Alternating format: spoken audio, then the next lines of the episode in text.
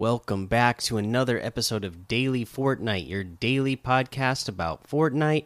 I'm your host, Mikey, aka Mike Daddy, aka Magnificent Mikey. Okay, so today, uh, you know, after the update that we had yesterday, there's not really any big news to talk about today. Uh, we do want to let you know that nanites have been disabled in competitive mode. And again, that's just a thing that has me bummed about a competitive uh, side still. You know, I just I would love to see these things in competitive. I I, would like to go back to uh, the very beginning of Fortnite and the beginning of competitive Fortnite and just everything that's in the game. That's what's in the game. I know I was talking about uh, this with uh, Dusky and uh, Guido Lose the other day. Uh, you know, it's just not as fun as it used to be watching the uh, competitive in the OG days because they take all these weapons out of competitive, and so it never really changes. Uh, I get that it's really consistent for those competitive players, which uh, you know they can practice, uh, you know, to no end and become super skilled at doing the same thing over and over. But for a viewer, uh, it's just not. It's not as fun as it used to be. I, I used to have so much fun watching all the ways that the top tier players with would come up uh, with using uh, you know the the weapons that uh, make Fortnite Fortnite to me. I mean, it, it, would just be nice if if we saw things like railguns, nanites, uh, you know, all, all of these things stay in in competitive. But it is what it is. Uh, you know, obviously, we wouldn't want to see things like mechs. We probably wouldn't want to see the spaceships in competitive. Uh, there is a limit, but there's also there should also be uh, there should be some push uh, because that's what I, that's especially what I liked about watching uh, competitive Fortnite in the OG days. You know, it was uh, you were seeing things that you weren't watching in other competitive games, which was what was the big appeal for me. Uh, but yeah, that's what we have for news today. Let's see here. Of course, today is Wednesday, so the legendary challenges are out. So let's go over the uh, legendary challenges that just came out today. In which, uh, let's see if I can pull them up here. Yeah, you need to get Sloan's orders from a payphone. Uh, interact with a CB radio you need to place welcome gifts in Holly Hatchery.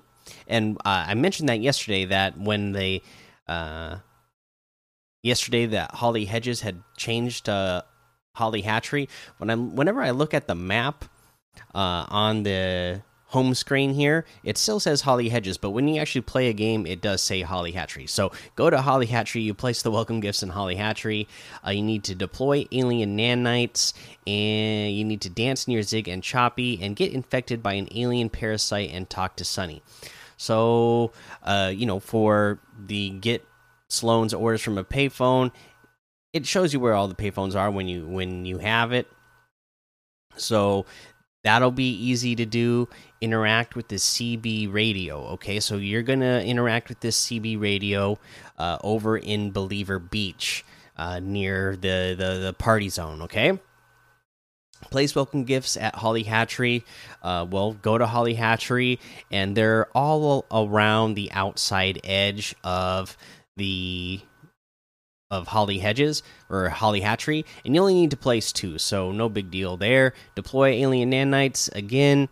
Uh, all you have to do is just pick up one of the alien nanites and then uh, throw it, and that's how you're gonna get that one done. So it's just a matter of finding one.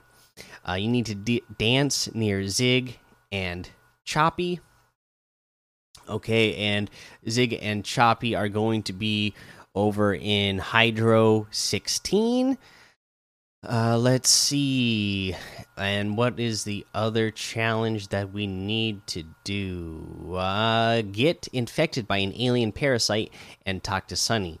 Uh, so Sunny is going to be over in Believer Beach, uh, and uh, you know there should be plenty of places nearby that you can find some parasite eggs that you can shoot, so that way the the uh, little parasites will come out and infect you. And then go talk to Sunny. Uh, okay, so that's your list of legendary challenges. Uh, we'll go over the uh, epic challenges when they come out tomorrow, and uh, throughout the rest of the week, we'll give you the tips on how to do those. For LTMs today, we have one shot duos, heavy metal duos, uh, Volcano Wars, Red versus Blue 2.0, Ghost versus Shadow Pro, Money Wars, and Battle Lab.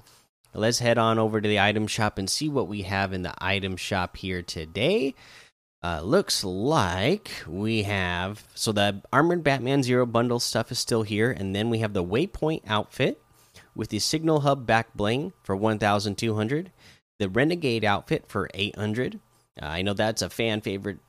Uh, we have 10 ton Tune Bells harvesting tool for 800, the Finger Wag emote for 200, the Meteor Wrap for 500, Party Hips emote for 200 and then we have Diamond Hands outfit with Gains back bling for 1,200.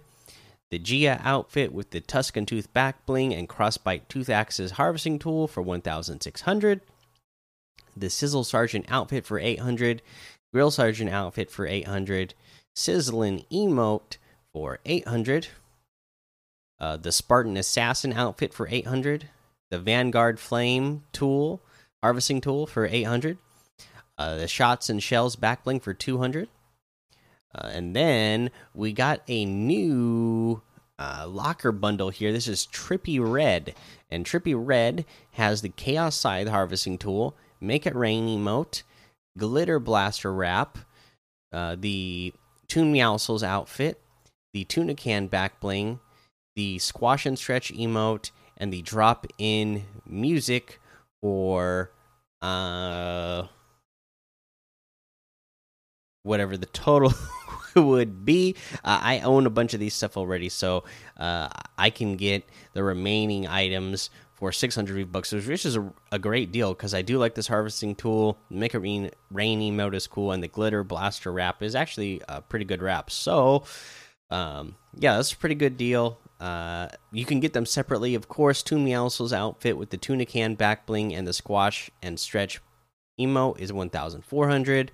The drop in music is 200. The Chaos Scythe harvesting tool is 800. And the Make It Rain emote is 500. The Glitter Blaster Wrap itself is 500. And that looks like everything today. So you can get any and all of these items using code Mikey M M M I K I E in the item shop, and some of the proceeds will go to help support the show.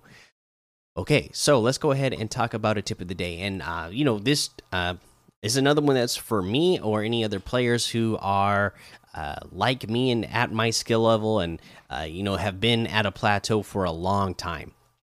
Okay, so I'm going to give you a, a, a, an editing course that you can use because that's where I'm at. Uh, you know, I can aim all right. Uh, my my biggest issue with when I when I come across really good players is that they can you know edit and uh, build a lot faster and better than me.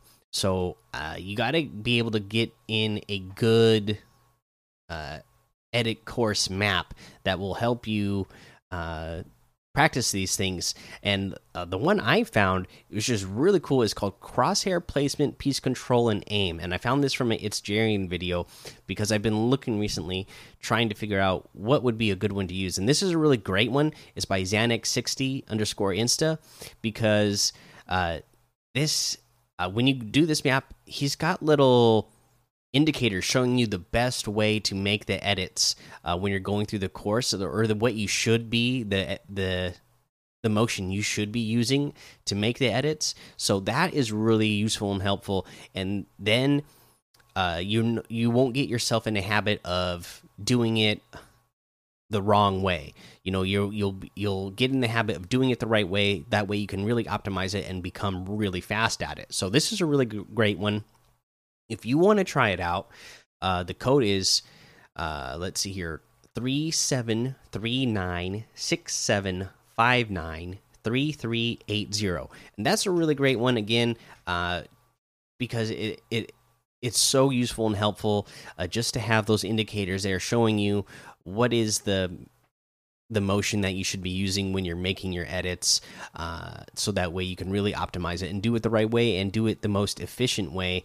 Uh, that way uh, you'll uh, catch up to your opponents uh, the really skilled ones and eventually surpass them with uh, enough practice all right, that's going to be the episode for today.